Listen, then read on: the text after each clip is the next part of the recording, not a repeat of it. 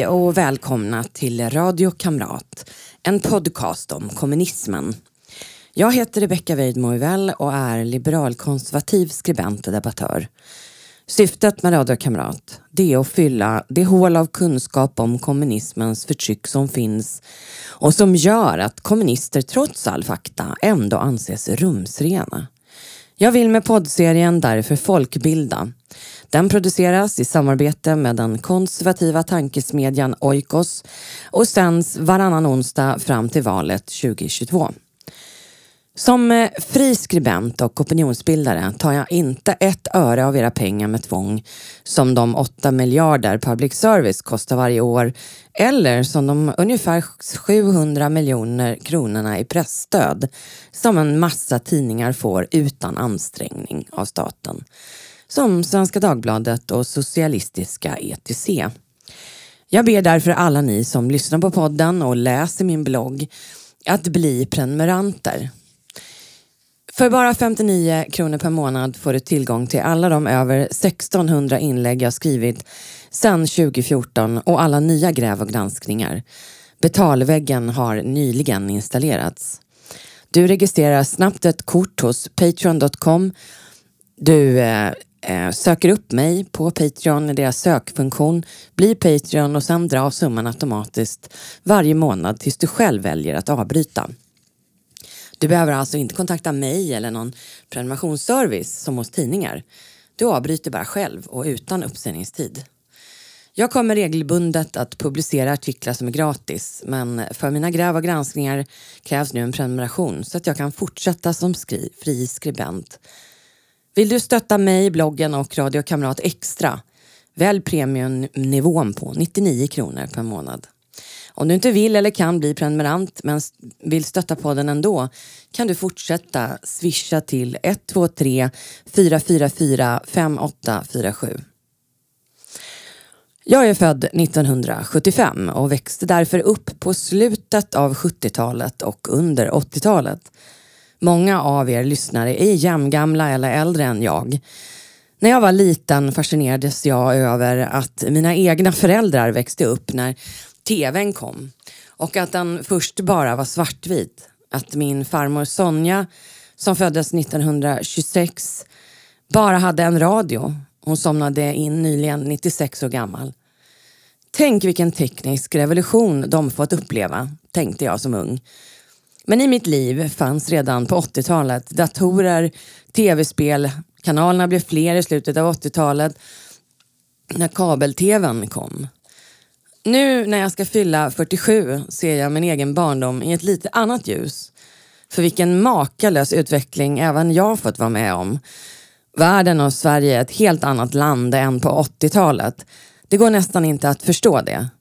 Mycket har blivit ofantligt mycket bättre, en del saker sämre, men barnprogrammen till exempel är otroligt mycket bättre nu ändå. Tänk att kommunisterna utan problem kunde indoktrinera oss barn via tv, radio, musik, barnböcker och även i skolan då utan att någon protesterade. Dags att ta er med på en liten resa down memory lane när vi djupdyker i socialistiska barnprogram.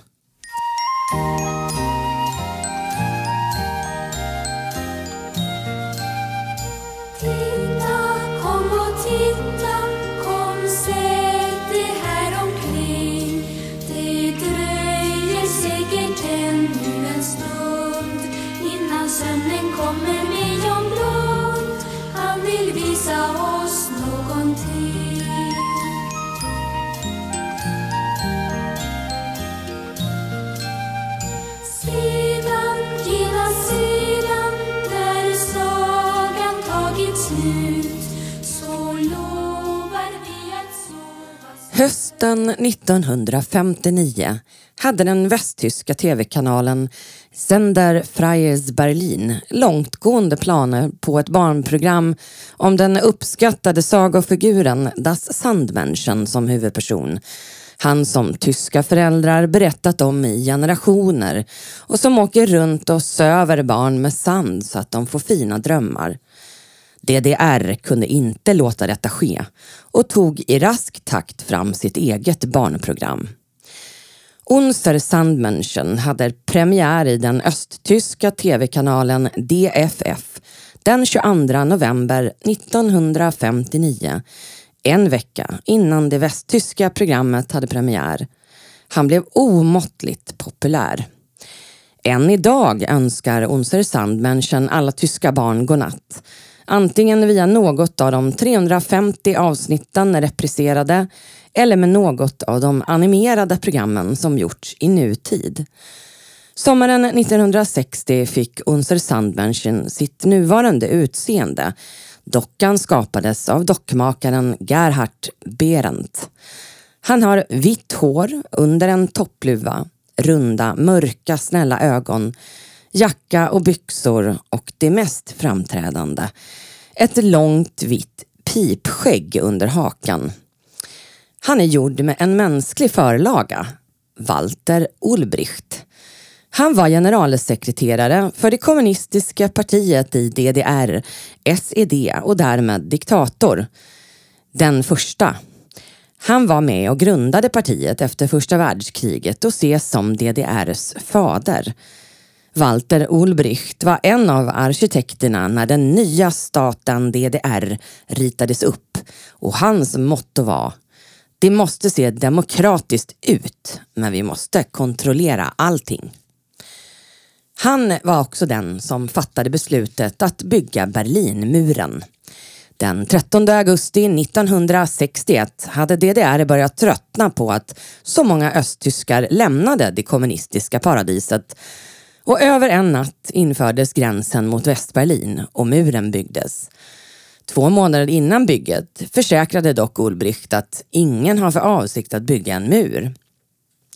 Han hävdade att muren var en antifascistisk vägg för att skydda DDRs fina befolkning från hemska fascister från hela väst.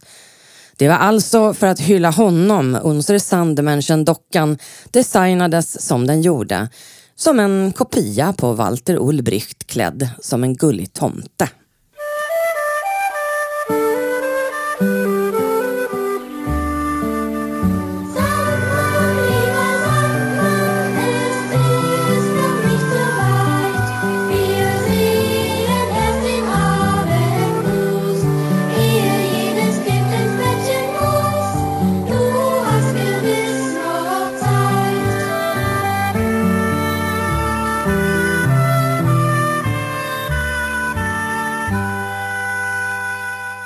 Figuren Der Sandmenschen bygger på H.C. Andersons saga om Ole Lucköje.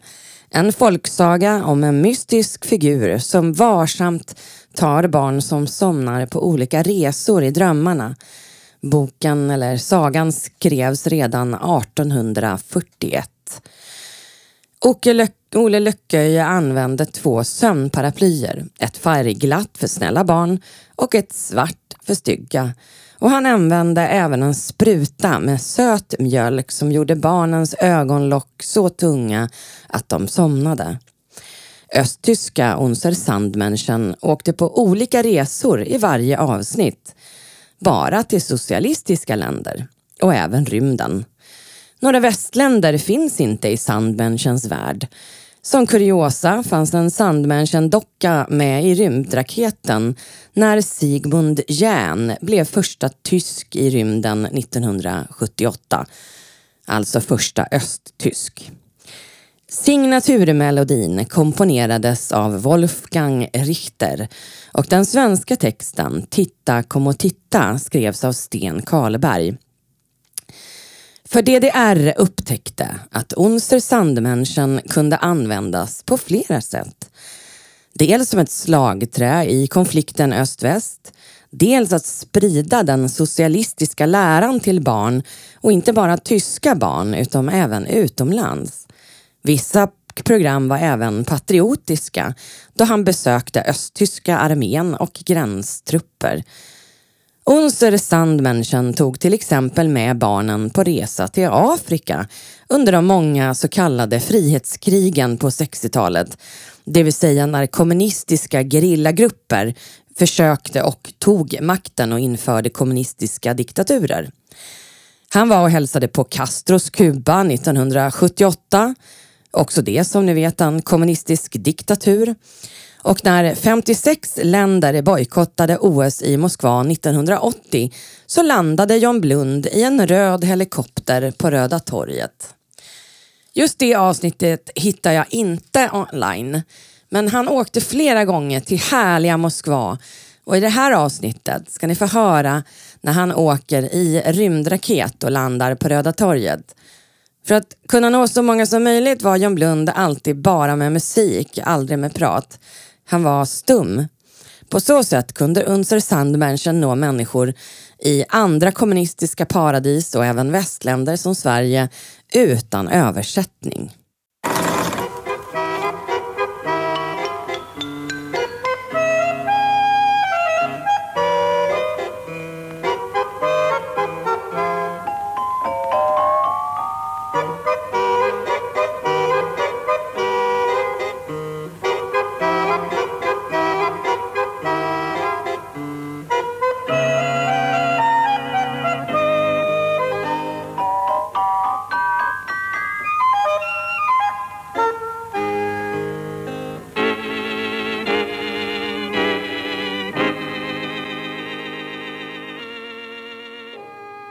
I slutet av 60-talet var kulturradikalismen ett faktum och på 70-talet var det en hel del svenskars vardag, vare sig man ville eller inte.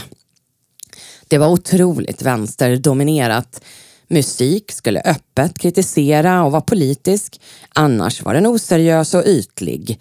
Samma sak med all kultur som konst, teater och film. Statliga Sveriges Television ansåg att TV skulle agera lärare i samhällskunskap och leverera underhållning som även utbildade. Ingen skulle komma undan den sociala kommentaren staten ville få fram. Underhållning bara för underhållningens skull var ytlig. Allt skulle bakas in i politisk uppfostran på något sätt. Svensken skulle bli klokare och mer medveten via TV. SVT sände barnprogram från östländerna, dokumentärer om framgångsrika revolutioner i fjärran länder och om folkets kamp.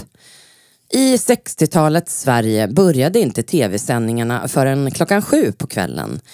Men det ändrades i och med lanseringen av programmet Halv sju som också var tvs första dagliga magasin med lite av varje. Programmet hade tre programledare. Karin Falk, Lasse Widding och Lennart Svan. I det programmet hade man också tidigt ett godnattprogram för barnen. Här ska ni få höra ett litet klipp från Halv sju. Igår gjorde John Blund ett riktigt storsvep. Han sprutade ut drömpuder över halva jorden från sin rymdstation. Har du blivit lat, Jompa? Nej, inte alls. Men Tänk dig själv att för en gångs skull slippa ränna runt på miljoner platser på en enda kväll. Effektiv arbetsförenkling, alltså rationalisering, är tidens lösen. Till och med jag kan bli trött, begrip det. Och inga dumma frågor i fortsättningen från dig. Tack så mycket. Redan 1971 sändes det första svenska John Blund som han döptes till och vi är många i Sverige som växte upp med det barnprogrammet. Då hade som sagt Sverige tv-monopol. Bara staten fick sända tv och den socialdemokratiskt styrda statens tv-bolag SVT valde att köpa in DDR-programmet Unser Sandmenschen. Den politiska möjligheten för att indoktrinera barn var oändlig och kulturvänstern passade på. Lennart Svan var hans sidekick och radarparet Blund och Svan blev omåttligt populära. I DDR var John Blund stum som sagt, men i Sverige fick han en jättekonstig falsettröst. Som ni precis hörde på klippet. Eftersom man helt kunde kontrollera vad folk kunde titta på såg alla barn allt som fanns på tv i princip. Jag kommer ihåg själv att jag satt och väntade framför testbilden till klockan blev fem och något program, vilket som helst, började sändas. Språka på serbokratiska till exempel gick vid den tiden. Nu är det nog många lyssnare som börjar småle igenkännande. För man kollade på allt. På SVT dominerade 68-vänstern och på SVT Barn fanns både gamla stalinister och maoister som förbjöd allt från USA. Disney satte som bekant inte sin fot i SVTs sändningar under lång tid. Och när de väl släpptes in var det bara på julafton som en slags eftergift till att svenskarna skulle få en julklapp av vänstern på tv-monopolet.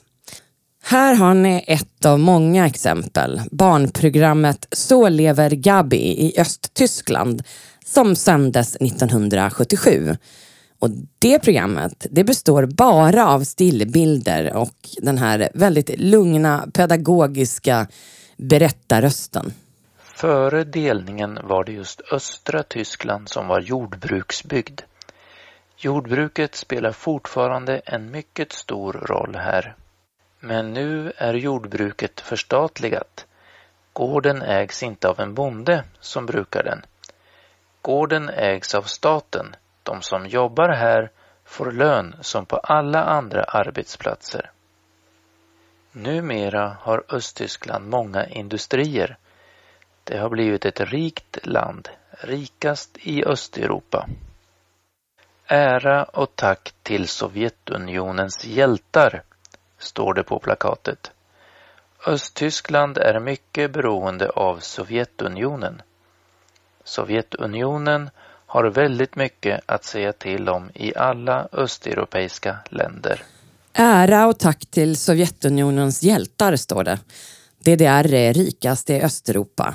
Propagandan flödar i barnprogrammet och det är otroligt fascinerande att någon tyckte att det här skulle underhålla barn när det låter som en powerpoint-presentation på ett statligt verk.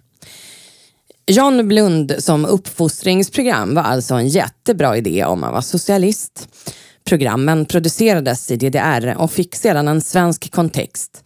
Så det var DDR som varje program styrde innehållet till svenska barn. Det gjordes inte en särskild svensk version. Så hans roll blev den socialistiska sagohjälten med ideologin som vapen, solidaritet och framtidsoptimism och som genom detta skulle visa kommunismens överlägsenhet gentemot väst och kapitalismen på andra sidan muren. Han gick under 25 år hand i hand med den östtyska ideologin och teknologins framsteg. Det han sa, det var det SED, det kommunistiska partiet i Östtyskland, ville. Bland annat fanns ett program i programmet som döptes till Ungpionjärerna. Det var väldigt pedagogiskt upplagda och gick ut på att visa hur ideologin praktiserades i vardagen. Rymdkapplöpningen mellan USA och Sovjet blev till exempel ett återkommande inslag. Och John Blund reste många gånger till just Moskva, Budapest och Kina och till rymden. När DDR firade 15 år som nation körde John Blund till festen i en skinande vit Trabant. Den östtyska bilen som det skojades om var gjord av papper och som länge symboliserade den östtyska industrin. Idag har den fått en slags kultstatus. Hans grej var att han använde en massa olika fordon att resa med. Hela 200 olika fordon och farkoster. Bland annat en luftballong, men det fick han sluta med 1979 efter ett flyktförsök när några modiga östtysklar gjorde ett försök med en luftballong över muren. Vid Östersjöns kust fick han inte åka båt eftersom DDR var rädda att han kunde inspirera till flykt över havet.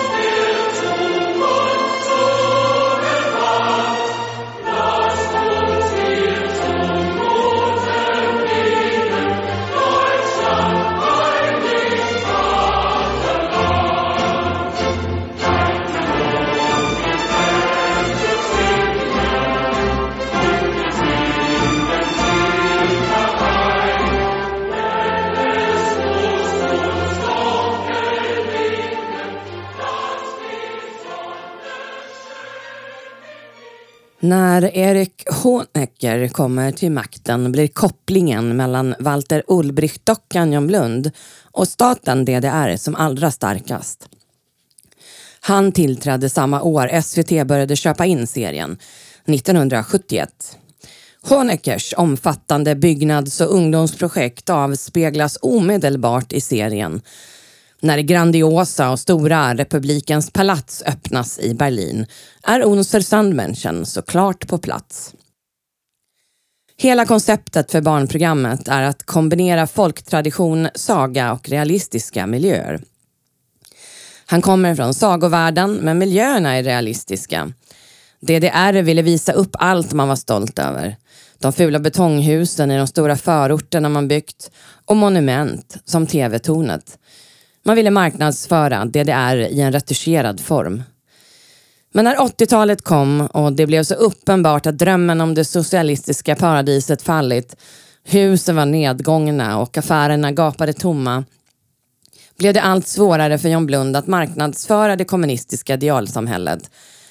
Då förlade programmakarna istället programmen i andra tidsperioder och i fjärran länder. Det var ett smart trick ändå. När muren äntligen revs 1989 hotades programmet av nedläggning men räddades av protesterande östtyskar som behövde något att känna igen sig i när allt blev nytt. Men han moderniserades och blev en yngre kille med ryggsäck istället för en gammal gubbe och började produceras som ett barnprogram ska, utan politisk indoktrinering. Samma år som John Blund köptes in sände SVT julkalendern Broster Broster. Carl Gustav Lindstedt som pappan Ludde och Clary Wickholm i kaftan som mamman Linda levde hippieliv på Österlen. Här kommer ni få höra ett klipp från den julkalendern. Men Ludde! Har du dukat med festkopparna idag? Ja, idag ska vi dricka ur bästa servisen. Har nämligen en överraskning åt er. Det är väl inte julafton ännu heller? Tomten kommer inte alls genom skorsten. Det var förr i världen. Var kommer det ner ifrån då? Sopnedkastet. Gör det? Ni hörde även en liten kort sekvens från en annan julkalender som heter Barnen i höjden. Men Broster Broster handlade då om eh, Ludde och Linda som levde hippieliv. Hon var gravid och den stora frågan var om barnet var flicka eller pojke. Därför kallades bebisen i magen för Broster, en blandning av broder och syster. I familjen fanns också dottern Agnes, adoptivsonen Bertil och en adoptivfarfar. Det var såklart vinter, men ibland var det ändå tydligen sommar och sol i serien eftersom familjen hade fantasi. Gröna vågen-familjen hann i serien både bekämpa köphysteri och miljöförstöring och har beskrivits som ett slags julevangelium i 70-talsversion.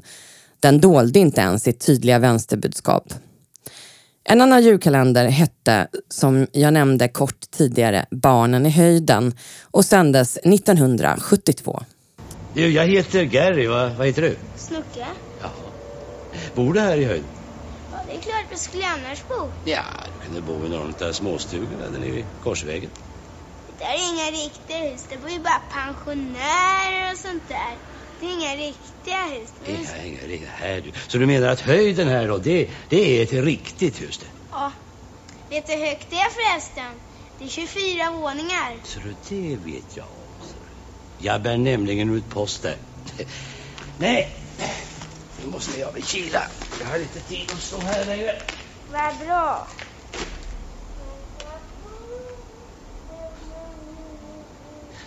Hej då.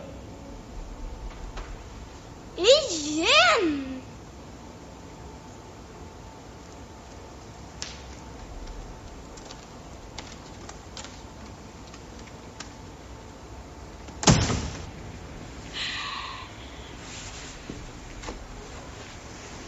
Vad blir det Snucke?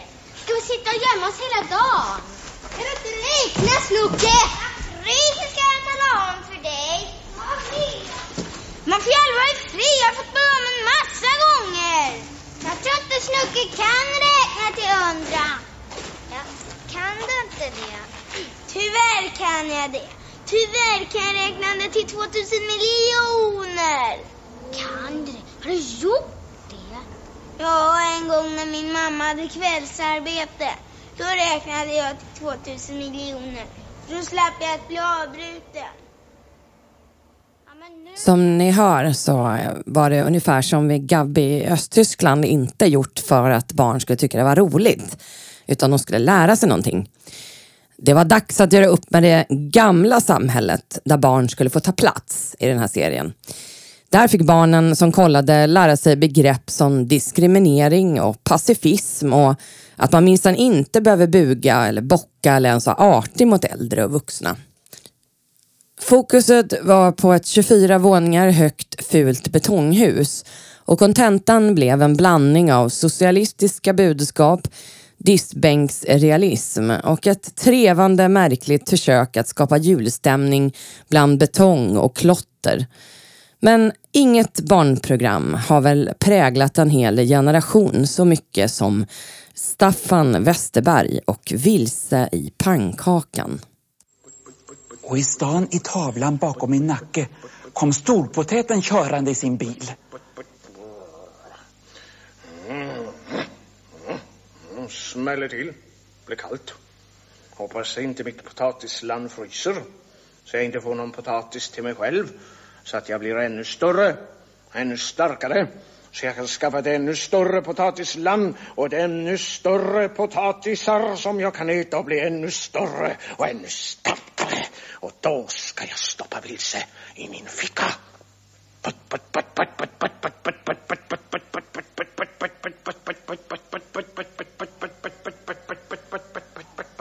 Storpotäten försvann i storstadsvimlet.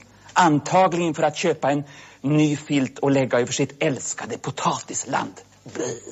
Storpotäten var ett, en återkommande karaktär i Vilse i pannkakan. En hotfull och illa omtyckt figur, bufflig och grymtande och egoistisk som i korta inslag fick fram sitt budskap. Kapitalism är dåligt och girigt. Storpotäten försvinner alltid in i storstadsvimlet. Westerberg kommenterar honom med saker som antagligen för att köpa fler filtar till sitt älskade potatisland, som ni hörde, och ett blä. I varje program spelade socialisten Mikael Wiehe en låt dessutom.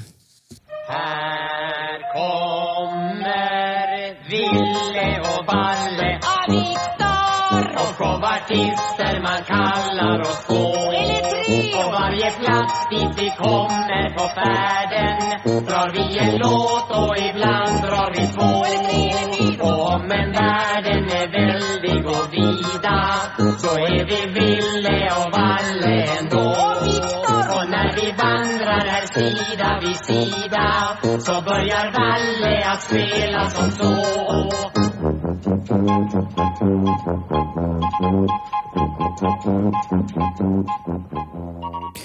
av alla socialistiska barnprogram så var det här programmet kanske det mest kommunistiska.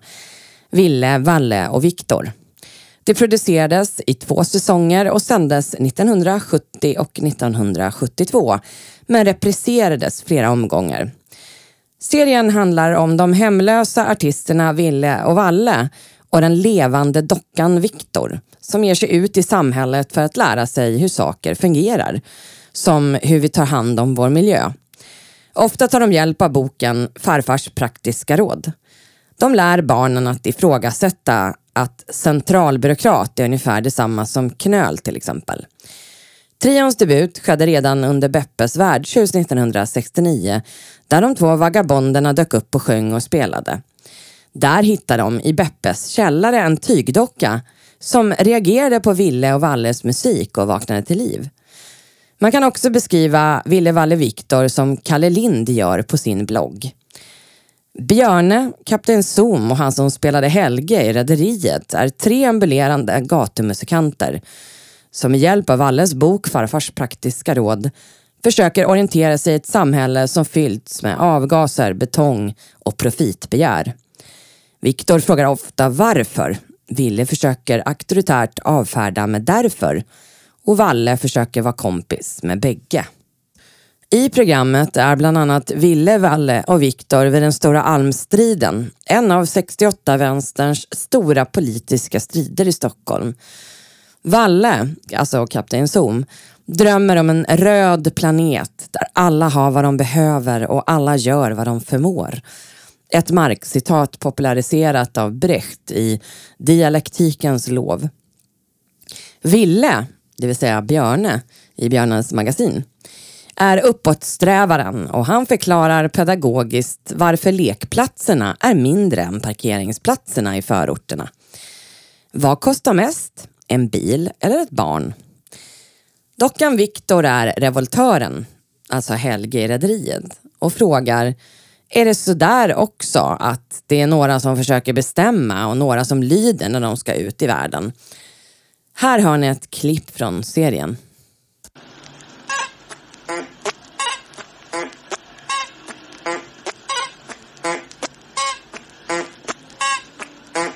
Bilar, bilar, bilar, bilar. Överallt är det bilar, bilar, bilar. Överallt är det bilar. Mil efter mil av bilar i fil. Bilar är det överallt. Bilar, bilar. Överallt är det bilar. De spottar och väser och pyser och fräser. Överallt är det bilar. 1972 vann de en Grammis för årets barnskiva. I en låt, Fiskvisa, rimmar de på trasig etinit med Vattnet som var rent förut är nu mer fullt av skit. I Bilar bilar som ni hörde rappar Viktor att bilarna gör hela centrum till dödens väntrum. I säsong två reder de ut könsmaktsordningen i Vallas samba. Nu börjar jag förstå, tjejer lärt sig som så, bli den halvan som ska underordna sig bra. Killen lärt sig sen gå på, flyta ovanpå. De utbildar också barnen om monarkin genom att Ville och Valle klär ut sig till olika adelstanter för att lura varandra i en minifars om pengar. Viktor tröttnar på att servera silverte och klär ut sig till kungen. De kritiserar i ett annat avsnitt reklambranschen. I jakten på pengar rotar Ville fram ett par jeans som är trasiga som han tänker sälja som punkjeans. Pengar, pengar, pengar. Vi ska lura alla små, små barn att köpa det de tror att de vill ha. Reklamen gör och den förför så att det nästan går att sälja skitvalt.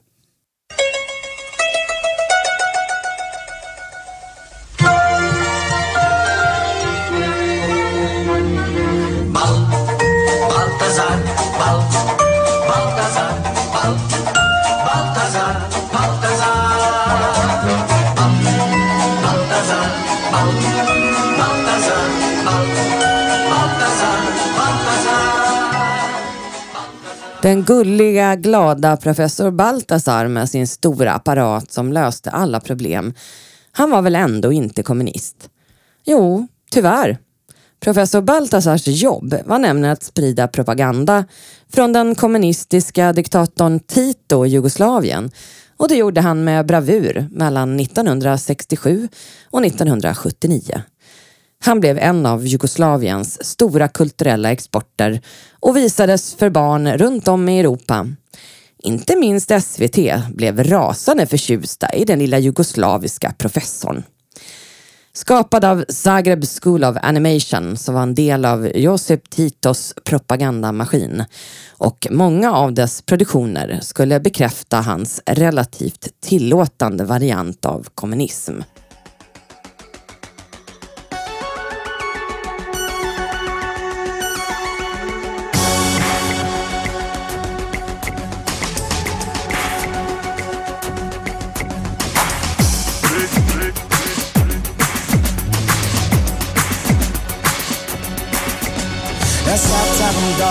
Och läste min tidning En dag som så många förut.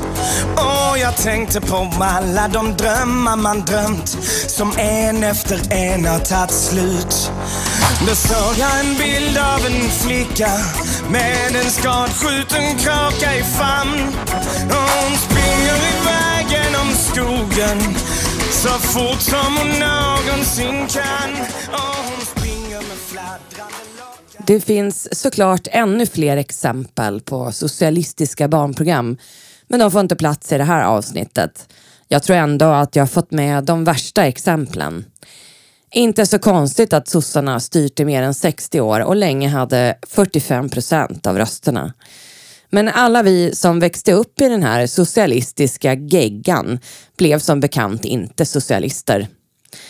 Det var allt för mig denna gång. Podden produceras i samarbete med den konservativa tankesmedjan Oikos. Sponsra projektet genom att bli Patreon på patreon.com eller swish 123 444 5847.